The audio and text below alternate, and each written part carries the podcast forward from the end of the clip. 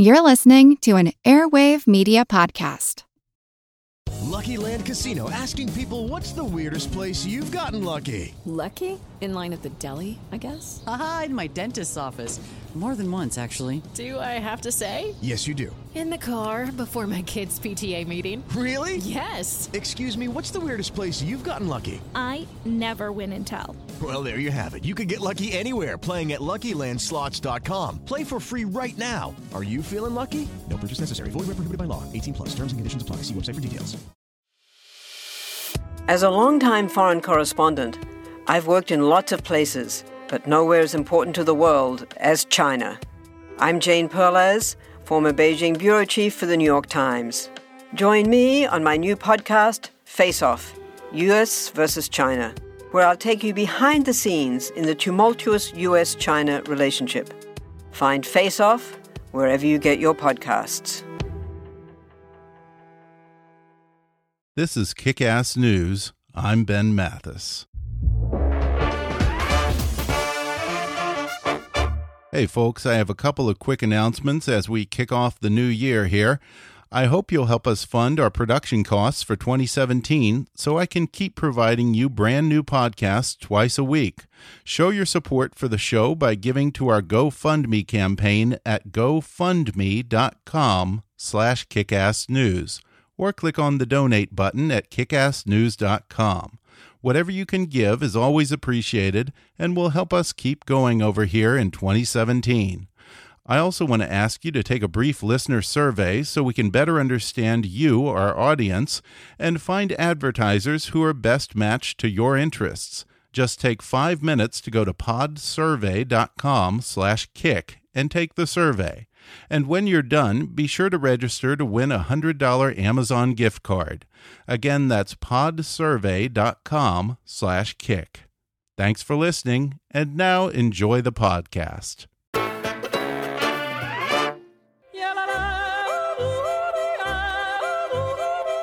The peaceful nation of Switzerland is known for many things the Matterhorn, chocolates, its crystal blue lakes, fondue, watches, Swiss Army knives. But perhaps nothing is more distinctly Swiss or more intriguing as the Swiss numbered bank account. I'm Ben Mathis, and welcome to Kick Ass News. The Swiss bank policy of secret accounts was codified into law in 1934 coincidentally, or perhaps not so coincidentally, just three months after Adolf Hitler seized power and declared himself Reichsfuhrer right next door in Germany. Under that law, it became a criminal offense for any Swiss bank to reveal the name of an account holder to any third party, including tax authorities, foreign governments, and even Swiss authorities establishing Switzerland as the premier tax haven for foreigners, with Swiss banks accounting for approximately $2.1 trillion, or 27% of the world's total offshore assets, ranging from stolen Nazi gold to priceless works of art. For decades, organized crime figures, corrupt dictators, money launderers, drug kingpins, illegal arms dealers, terrorists, and spies have mixed among the tens of thousands of wealthy Americans trying to avoid Uncle Sam, happily making the trip to Geneva and paying hefty premiums to store their loot in numbered Swiss deposit boxes, creating an almost adventurous, James Bond like intrigue around Swiss bank accounts.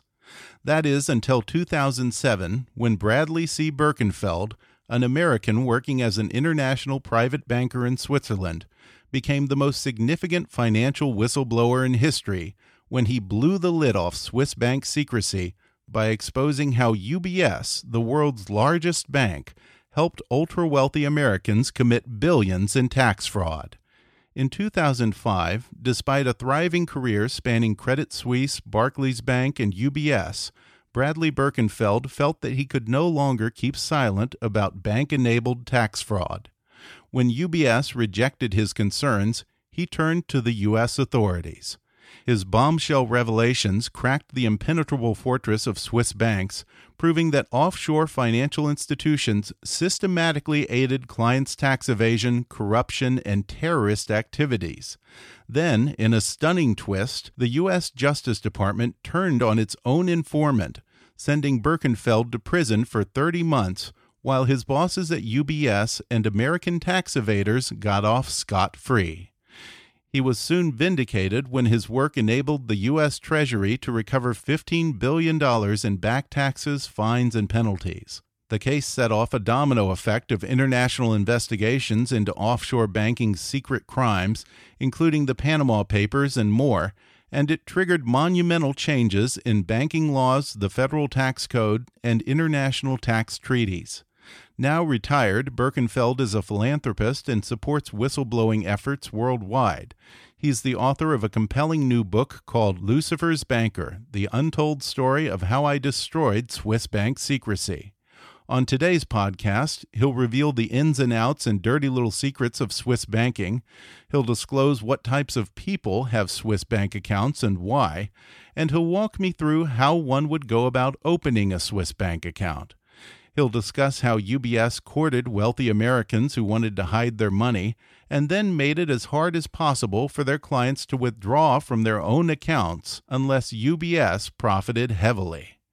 He'll talk about UBS's dealings with the brother of the world's most notorious terrorist and another very wealthy client with close ties to both Saddam Hussein and a U.S. presidential candidate known for fighting terrorists. He'll also reveal how those relationships and surprisingly cozy ties between UBS and Washington politicians may have led the Justice Department officials to throw Birkenfeld, the whistleblower, under the bus in order to protect some of the wealthiest and most powerful people in America. Coming up with Swiss banker turned whistleblower Bradley Birkenfeld in just a moment.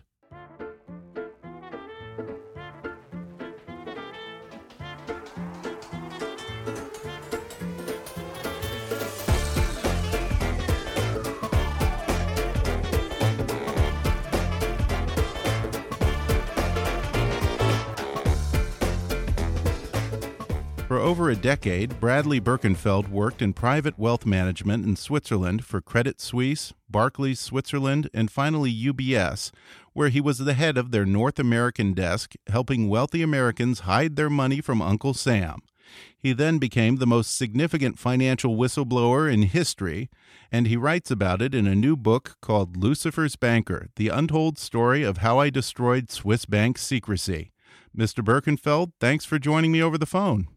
Well, thank you for having me. First off, given the secrecy of Swiss banking, my impression would be that it's not easy for an outsider to break into that world. So tell me, what was that experience first like for you? I didn't have a client base, if you will, so I was really going through their training program, and I saw a lot of things on different desks between the Middle East desk and certainly some of the European desks and I learned a lot about what was going on, the products they offered, the fees they charged, the uh, the tactics that people used, and certainly uh, Credit Suisse was a very large bank at the time, uh, as opposed to UBS when I finished my career. And uh, these were some of the biggest banks in Switzerland and in the world, for that matter. You said when you first arrived at UBS, you had to sit in on some orientation meetings, including security and compliance, which you said should have been called non compliance and ass covering. Uh, what kind of things did they instruct you to do in those classes? Well, there's a, there's a document that's uh, on my website that you'll see that really uh, details some of the things that they were telling us to do. They had case studies where they uh, told us how to avoid detection at customs, uh, how to change hotels, how to delete contacts in your um, your phone or your computer if you were ever questioned at customs. So this was something that was very nefarious. And the other problem was was that they gave us encrypted laptops, which I refused to bring to the United States. So you can see it was a concerted effort on the on behalf of the bank to keep clients secret, but also at the same time they knew they were breaking the laws. So this was quite uh, quite a dangerous uh, formula.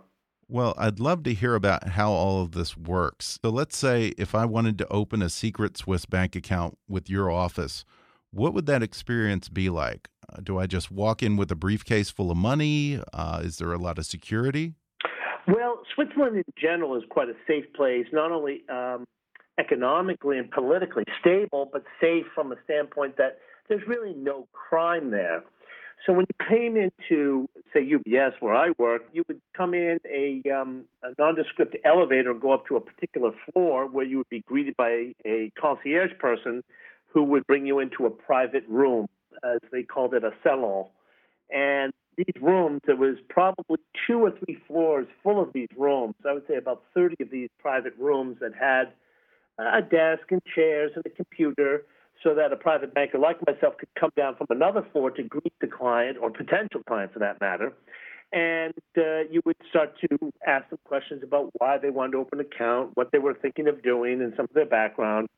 So you would do a little bit of due diligence just to understand what the client's needs were.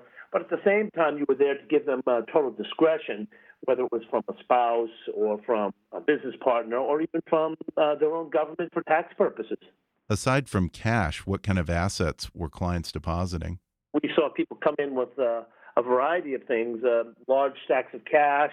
The largest amount I think I saw was uh, several million dollars um, when people came in with cash. Um, certainly, we had people come in with all kinds of transactions that were quite unique, uh, from um, metals, meaning uh, platinum and gold, to uh, all types of uh, famous artwork that was stored in um, in large safe deposit boxes, meaning large that you could put a painting in or something of that nature. So there was a lot of that that went on. So to the normal person, that would certainly be absolutely strange. To us, it was almost like uh, I don't want to say an everyday occurrence, but it certainly was something that was something that happened frequently, uh, whether they brought money in or um, gold and uh, bullion or paintings of that nature. Yeah, I think you said that it wasn't uncommon for someone to bring in a very, very valuable painting. And I guess you had a special procedure where they would go through an underground garage that took them up to the bank? Well, that's it. A lot of people wanted to be quite discreet. They didn't want people knowing their business, as well as when you bring in something so valuable that's maybe five, ten, twenty million dollars uh, they want to come in through um, the underground parking, and then it, it carefully gets uh, taken out and stored properly, and insured and and properly uh, put uh, in the client's account or into their safe deposit box. How big was your largest account? My biggest account was about two hundred million dollars. Whoa! Um, and he's quite well known. He's in the book. Um, he was actually um, evading taxes uh, a decade before I even knew him. Uh, Igor Olenicoff, uh, a real estate developer out in California. And uh, he and his son had opened accounts in Barclays, Bahamas before I even knew him. And they had opened the accounts with Yugoslavian passports. So you can see that this, this gentleman was uh, breaking the law long before I even knew him. And quite frankly, when he was being charged, he hired an attorney from the same office that was charging him to represent him. so wow. you can see how corrupt the U.S. federal system is.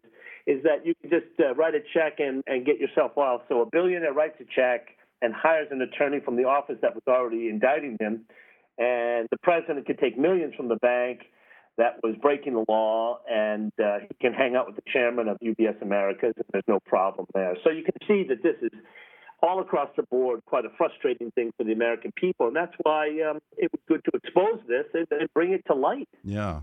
Now, UBS was not a passive actor in this.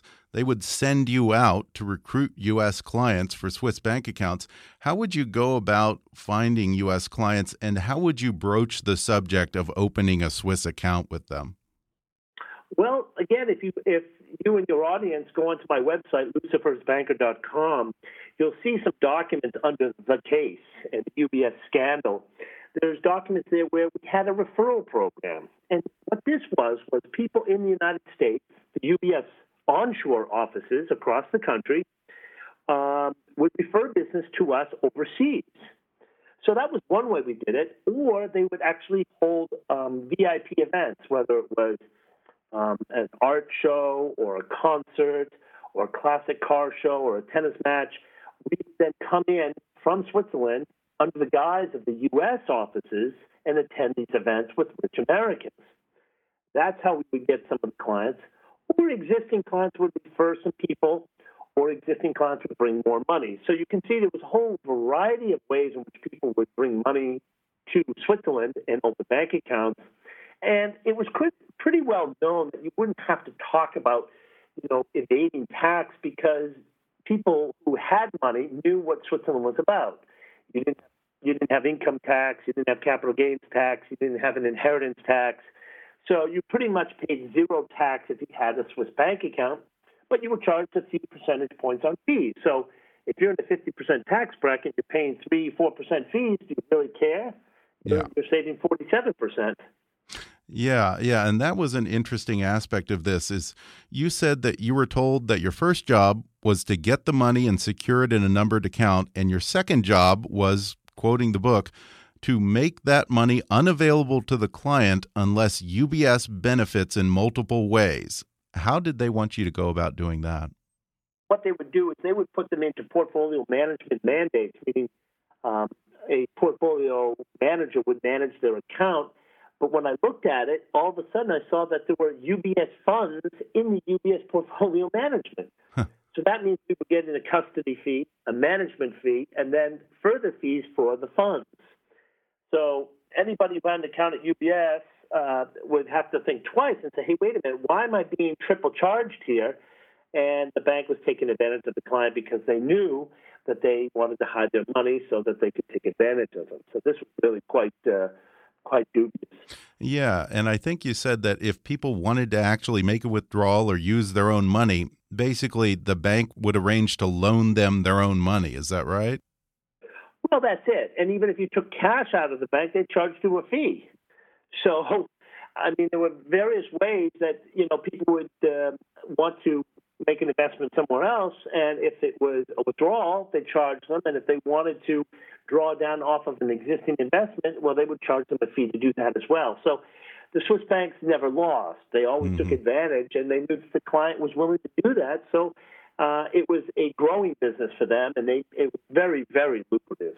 Yeah. So no matter how much they were getting fleeced, it was still a better deal than getting taxed, huh? Well, that's it. Would you rather pay fifty percent or pay us three or four or five percent? Yeah, yeah. Now, um, how many U.S. clients had numbered Swiss accounts with UBS? There was about 19,000 accounts wow. with $20 billion in aggregate assets. Describe your clients to me. What kind of people had numbered Swiss accounts at UBS? Well, it, it varied. It, it, really covered the whole spectrum. You had it uh, from politicians to billionaires and millionaires, uh, people that owned businesses, people who inherited money, people who owned real estate, people that did import export, people who did business overseas. It, it just varied on the, the, individual client because there were so many of them um, and all walks of life, um, different age groups, um, different ethnicities, people who maybe migrated to the U.S. from different countries. So you really had a whole plethora of people that were looking to uh, either just shield their money or to uh, uh, hide it from paying taxes or from a spouse, as I said among these clients, are they names that I might recognize? Sure. Um, one one gentleman in the book is um, the biological brother of Osama bin Laden. Wow. Yeah, and he lived in Boston, so the same town in which the planes took off from. Now, I didn't say he was involved in that terrorist attack, but clearly, anyone with a third grade education would start with a family member of the most notorious terrorist in U.S. history who had a offshore account of $14 million in Geneva, Switzerland. Um, how about the U.S. accounts? Were there any names there that I might recognize, either in business or well-known people? Oh yeah, well there's there's there's certainly names there, and they will be coming out soon. Uh, oh really? They're yeah, they're not in the book yet, and uh, some people have uh, tried to uh, intimidate me to say not to expose these people, but uh, clearly these people were breaking the law and they think that uh, they're going to try and intimidate me with lawyers' letters, and that's not going to happen. I'm certainly going to abide by the law, but I'm certainly going to hold uh, firm to the facts that I know and the information I gave to the Department of Justice. And the fact that the Department of Justice failed to uh, prosecute these people is really the problem here because it shows that it's a massive cover up by the Department of Justice and uh, and cheating the American people. Now, when you say these names are about to come out, these are names that you're eventually going to reveal? That is correct. And I know that under Swiss law, they're very, very careful with these things. Uh, you could actually go to jail for revealing a client's identity. So, is that a concern at this point? Not at all, because I was given a subpoena by the U.S. Senate, and those names were given to the U.S. government, the SEC, the IRS, the DOJ, and the U.S. Senate. I see. Ironically, none of these agencies have published those names, and none of them have been indicted. So, quite frankly, it shows you that this is a cover up on a massive scale. Once again, the Department of Justice is part of the problem, not part of the solution.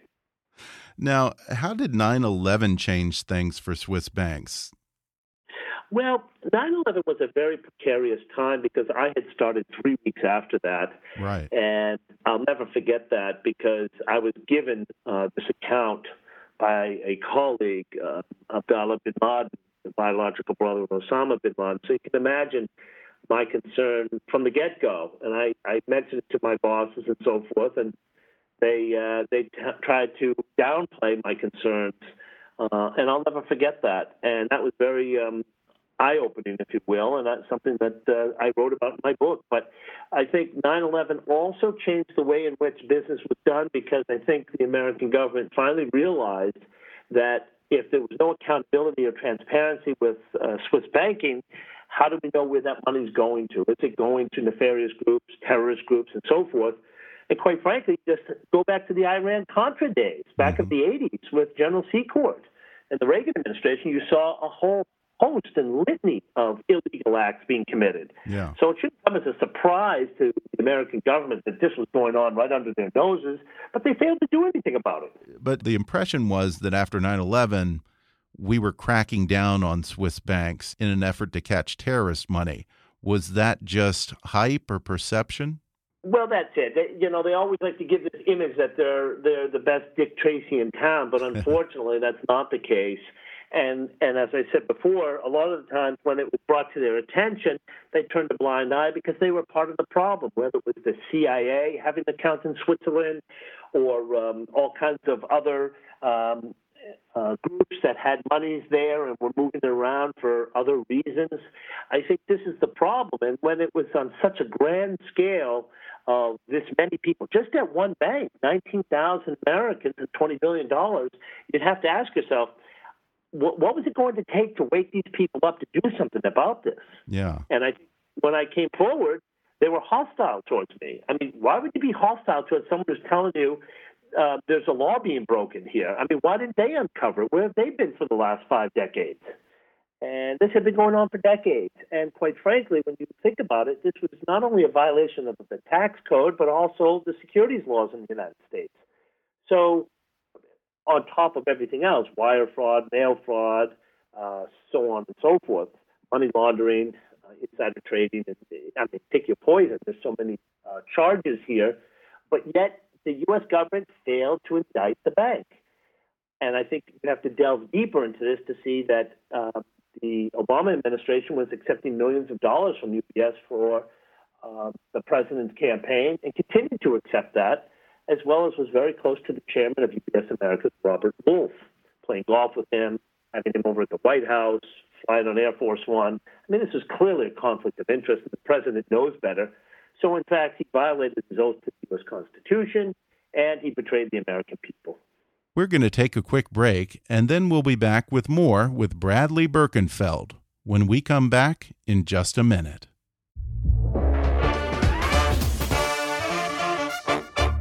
Hey, folks, it's a new year, and there's no better time to launch an online business or expand your online presence for your existing business. And GoDaddy.com wants to help. GoDaddy's mission is to radically shift the global economy toward life fulfilling independent ventures, helping their customers kick ass by giving them tools, insights, and the people to transform their ideas and personal initiatives into success. GoDaddy is the world's largest technology provider dedicated to small business and the largest domain registrar with over 62 million domain names under management and big savings over other registrars. Their award winning 24 7 support will help build your online business and give you everything you need to help get your website up and running. Whether you have a new idea or an established business, the key to success online starts with a great domain name. And GoDaddy is trusted by 13 million customers. That's more than any other registrar. Right now, my listeners can get a special discount on a GoDaddy domain if you just use my offer code KICK30 at checkout to get 30% off a new purchase. That's GoDaddy.com and the offer code KICK30 for 30% off. You don't have to spend a fortune on a domain. Again, just go to GoDaddy.com and type in the offer code KICK30 at checkout for 30% off and launch your online business today. And if you're enjoying my podcast today, you should check out Lucifer's Banker, the untold story of how I destroyed Swiss bank secrecy by my guest today, Bradley Birkenfeld. And right now, you can download the audio version of his book for free with a special promotion just for our listeners from audible.com. Just go to audibletrial.com slash kickassnews for a free 30-day trial and a free audiobook download, which can be Lucifer's Banker by Bradley Birkenfeld or any of Audible's 180,000 titles. That's audibletrial.com slash kickassnews or click on the sponsor link on our webpage to download the free audiobook of your choice. And now, back to the show. At the time that you were going to the feds, the incoming Attorney General, Eric Holder, was someone who had been a partner at the law firm of Covington and Burling. And who was their biggest client? UBS. What a surprise. yeah. So you have the president accepting millions of dollars from UBS. And ironically, the Senate committee I went to, Senator Obama was a, a active member of that committee, but never showed up for one of the hearings. Hmm. Instead, at the very same time, he was accepting these millions of dollars from UBS. So that's clearly a violation. Actually, he should be impeached for such a violation. Wow. Um, but they kept that quite quiet, obviously. They didn't want the American people knowing that. And then, of course, Eric Holder uh, was conflicted because he had represented UBS in private practice. He's the same attorney general that recommended, as assistant attorney general to President Clinton, to pardon Marc Rich. Right. Well, if, if you read my book, Marc Rich's attorney, Bob Tomajian, had a very large account at UBS in Zurich. And if they had not given him a pardon, they might have gotten his attorney as well. So you can only imagine the frustration by uh, law enforcement as well as the American people that this kind of uh, shenanigans uh, can't be tolerated much more. And I think you saw this in the recent election that people were very upset because then it comes back to Hillary Clinton, who, as the Secretary of State, made a secret deal with the Swiss to send two Chinese Guantanamo detainees to Switzerland to have a political settlement to the UBS case. You had a great life. As you said, it was kind of a James Bond lifestyle, jet setting around the world, having a fancy apartment in Geneva, having a weekend house in Zermatt, uh, you know, champagne and caviar and so forth. Um, at what point did you decide maybe it's time to get out while the getting's good? Well, it really came down to a three page document that a colleague of mine brought to my attention that was on our intranet, the internal computer system. And that document essentially contradicted everything we were doing. So that really troubled me, number one. Number two, I was never told about it. And number three, I was never trained on it. So those factors alone made me very wary. And as a director of the bank, I felt as though it was my obligation to bring it to management, which I did. Mm-hmm. And again, they just downplayed it. And I said, no, this is not right. And I continued to push it with legal and compliance, and they never answered me for three months. So I think it's very important to understand, and your audience to understand, is that I took the proper measures internally as a director of the bank to do the right thing. And my own bank shunned me. And in essence, they were putting me and my colleagues at risk and clients at risk, but also the shareholders at risk. Because, uh, correct me if I'm wrong, but that document was basically them covering their ass and saying, don't do anything that would violate U.S. law and all this after they had, for years and years and years, told you, go out, secure U.S. clients, do all of this stuff, is basically contradicting everything that you were taught to do to bring in business. Well, that's exactly right. And, and on top of it, they were paying us large salaries. They were paying us to go to the United States once a quarter uh, for two weeks at a time to see existing clients and get prospective clients. They put high barriers to bring in net new money. That was new money you had to bring in on an annual basis, which was quite high 30, 40, 50 million dollars per banker. I mean, this was almost unheard of. So, what they did was, in fact, is promote, condone what we were doing, but then on the backside, try to cover their ass with this three page document, which was totally uh, contradictory. When you decided to take this to the feds, basically you handed them the biggest tax fraud case in U.S. history, I think. How did you think they were going to react? Well, you would think that they would accept me with open arms. I mean, certainly, uh, your a whistleblower is an extension of law enforcement, and I think it's important for people to understand that. And I think it's important that what the Department of Justice is is they hate whistleblowers because one, they don't get the credit. Number two, it shows that they're incompetent and corrupt mm-hmm. by not uncovering it in the first place. And the third thing is, in my case, uh, thankfully, there was an award that came through, but that award system was not in place when I started my whistleblowing in Switzerland. So people always said, "Oh, you did it for the money." No, I started my whistleblowing a year and a half before the law was even passed, which I didn't even know about.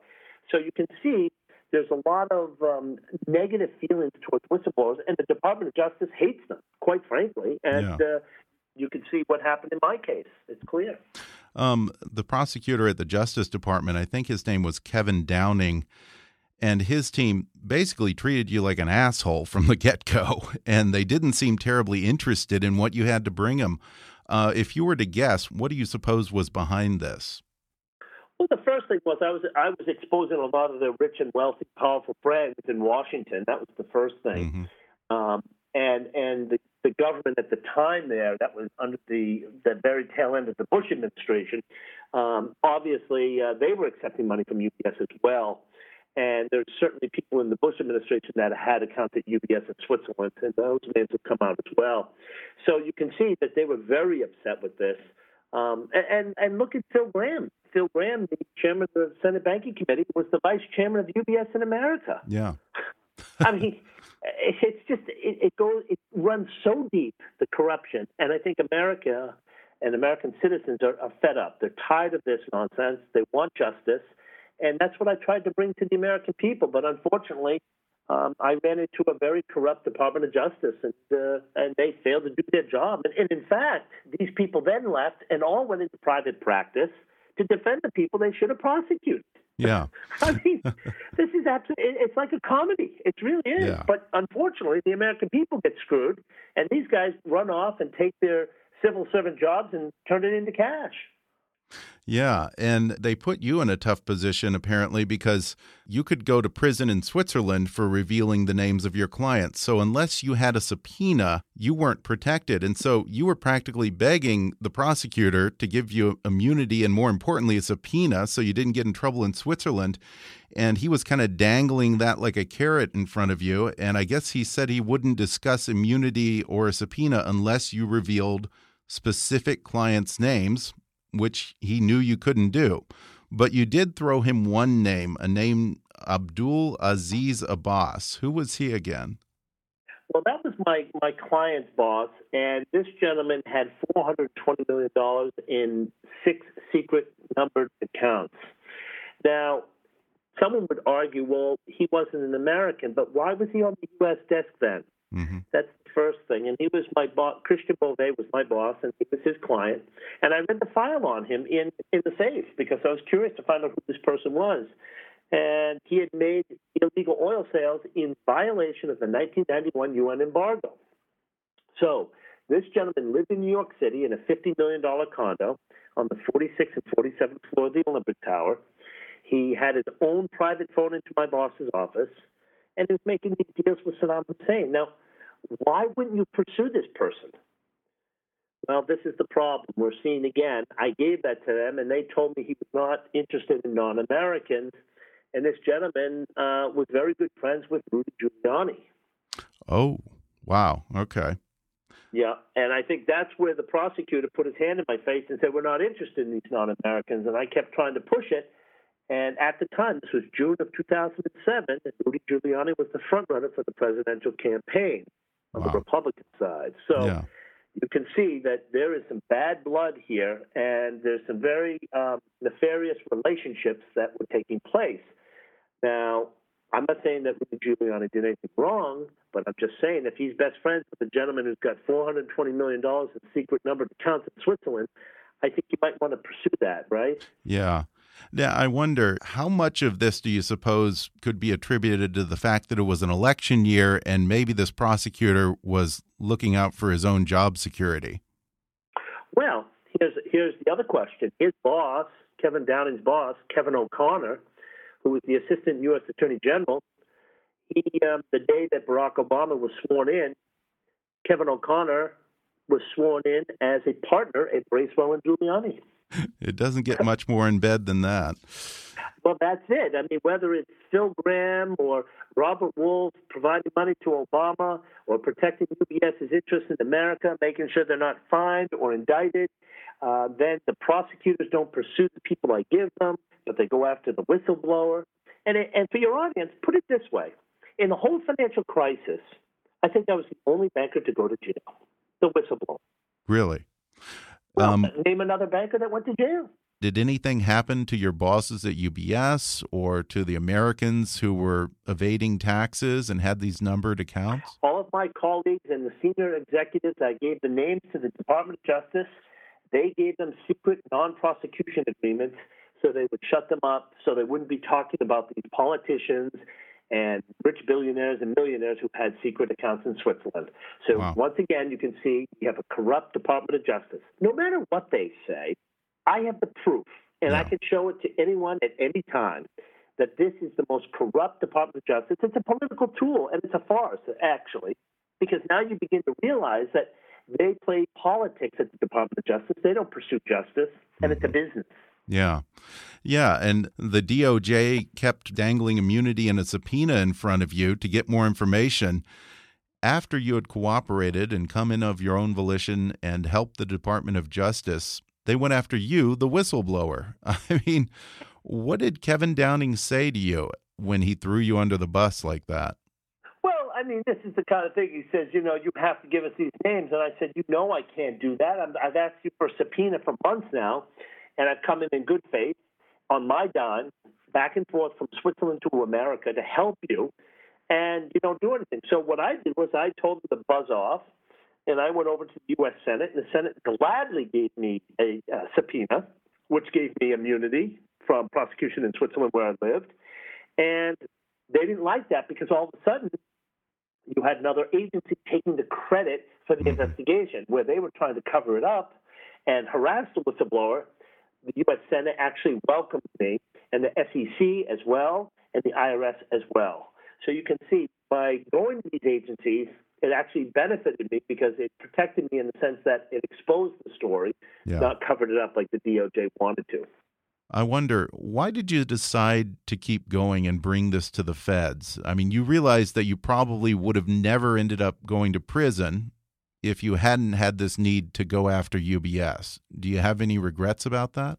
No, I don't actually. I think it was the best thing I did. I think um, any logical, rational human being understands that. And I've had many requests from foreign governments. I've been helping many governments the Greek government, the French government, the German government, the British government, the Canadian government, and many, many others. Not only help them rewrite their whistleblowing laws or implement whistleblowing laws, but also to help them on the case against UBS because UBS has been a criminal organization on a global basis. They've done this around the world for decades. Is that what you're working on now? I am. I, I've been uh, delighted to help foreign governments in their pursuit of justice because they seem to take a better interest in this than our my own government, which is quite frightening, to be honest with you. And I think uh, people begin to shake their head and say, "This sounds like a bad dream," and in fact, it is. And if this happens at this level, what else is going on that we don't know about at the Department of Justice?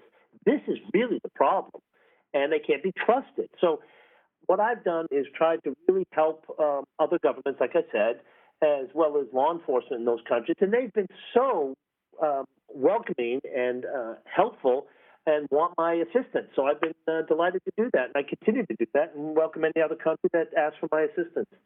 Um, when you ended up having to serve three years in federal prison, that must have been a huge change from what you were used to, living in Geneva and jet setting around the world, country house uh, overlooking the Matterhorn, going to the Monaco Grand Prix, and all that. It must have been a huge adjustment, I'm sure.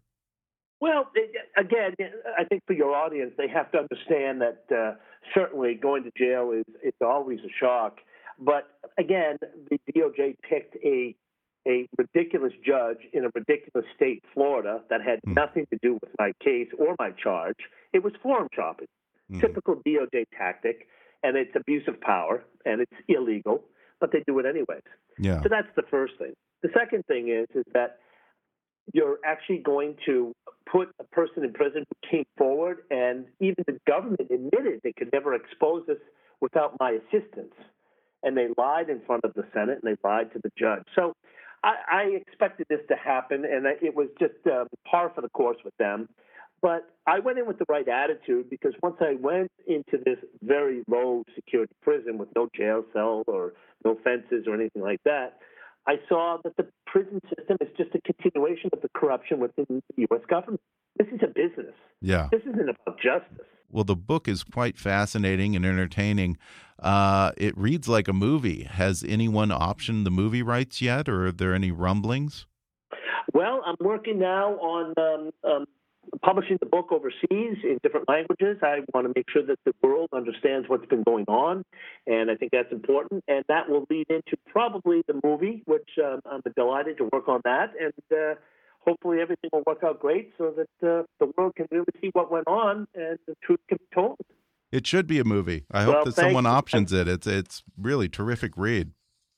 Well, thank you, and I hope your audience will uh, be able to read it as well as check out my website, lucifersbanker.com. And uh, again, it's uh, it's important for people to know the truth. What you're working on, you said about uh, encouraging whistleblowing. Is there a separate website for that or anything? Well, it's on my website where people can okay. Uh, get onto the contact page and uh, certainly we're happy to uh, deal uh, confidentially with whistleblowers who might have a case and help them uh, advise them and navigate this uh, world of whistleblowing because you certainly need good legal advice. You need the right people in charge and, and media people as well uh, to help you with your cause. So certainly if people go to the website, they can see that, and uh, I'd be happy to deal with them and uh, help them in that regard. Terrific.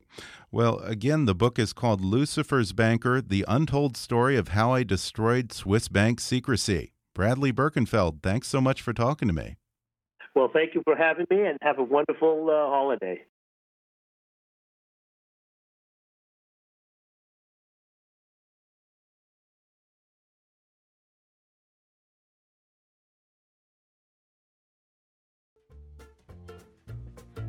Thanks again to Bradley Birkenfeld for joining me on the podcast. If you enjoyed today's episode, then you can order his book, Lucifer's Banker The Untold Story of How I Destroyed Swiss Bank Secrecy, on Amazon.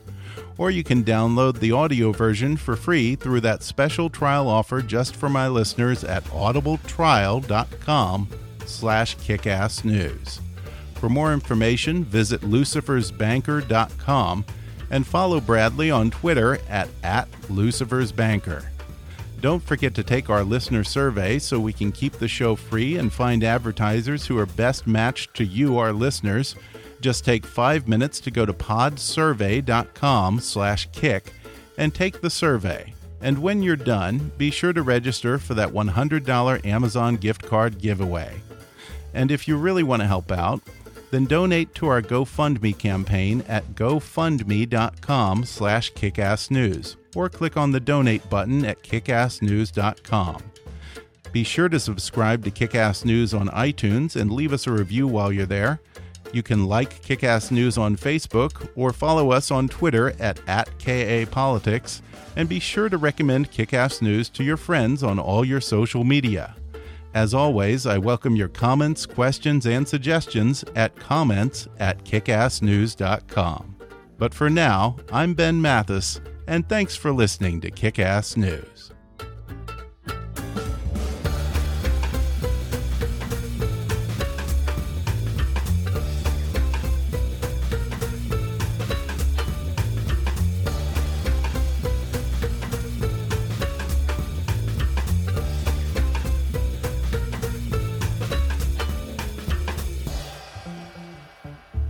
Kick Ass News is a trademark of Mathis Entertainment, Inc.